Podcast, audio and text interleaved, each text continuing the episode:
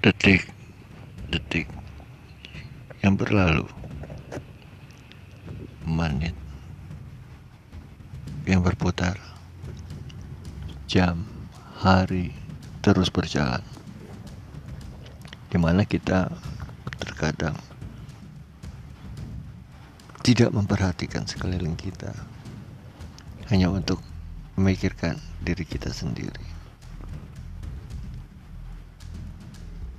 Jikalau sepi, kita renungkan bahwa kita hidup tidak bisa sendiri. Kita butuh orang lain.